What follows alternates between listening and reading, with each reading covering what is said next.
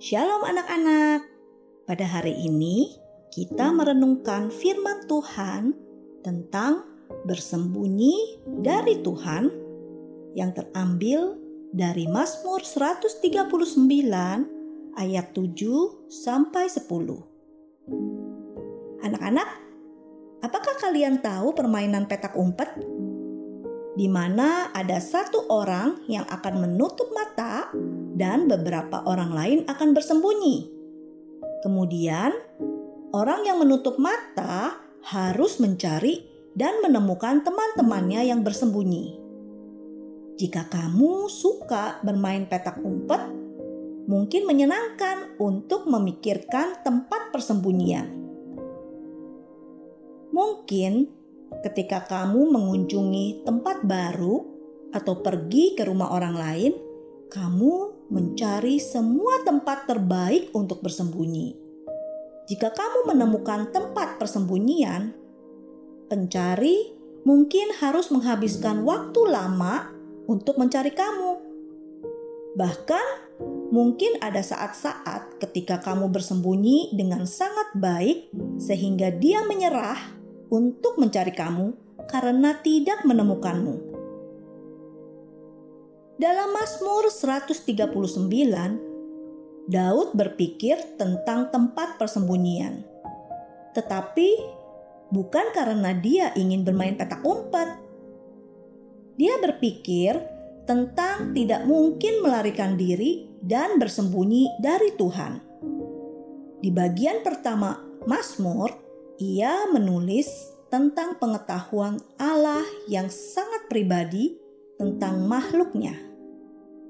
Dia berpikir tentang bagaimana Tuhan mengetahui setiap gerakan yang kita lakukan, setiap kata yang kita ucapkan, dan bahkan pikiran yang melewati pikiran kita. Kita mungkin merasa ingin menjauh dan bersembunyi darinya terutama ketika kita menganggap bahwa kita adalah orang berdosa dan Dia kudus. Daud memikirkan beberapa tempat untuk bersembunyi. Mungkin dia bisa naik ke langit, bahkan keluar angkasa. Mungkin dia bisa pergi ke timur sejauh matahari terbit, atau ke ujung laut yang terjauh. Apakah itu terdengar seperti tempat persembunyian yang bagus? Masalahnya, tidak satu pun dari tempat-tempat itu dapat menyembunyikan seseorang dari Tuhan. Dia ada di sana. Tidak peduli ke mana kita pergi, tidak peduli seberapa besar kita ingin lari darinya, Tuhan pasti menemukan kita. Dalam ayat 10, Daud berpikir tentang fakta bahwa Allah itu pengasih.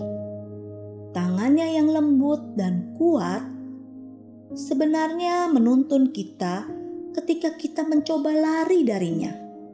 Tangannya memegang kita di sana. Kita tidak akan pernah bisa lari atau bersembunyi darinya. Apa saja cara kamu mencoba untuk melarikan diri dari Tuhan? Apakah kamu menutup hati kamu ketika Dia berbicara kepada kamu melalui firman-Nya? Apakah kamu menolak untuk bekerja sama dengannya ketika Dia menunjukkan kepada kamu untuk memaafkan seseorang atau untuk mengubah sikapmu?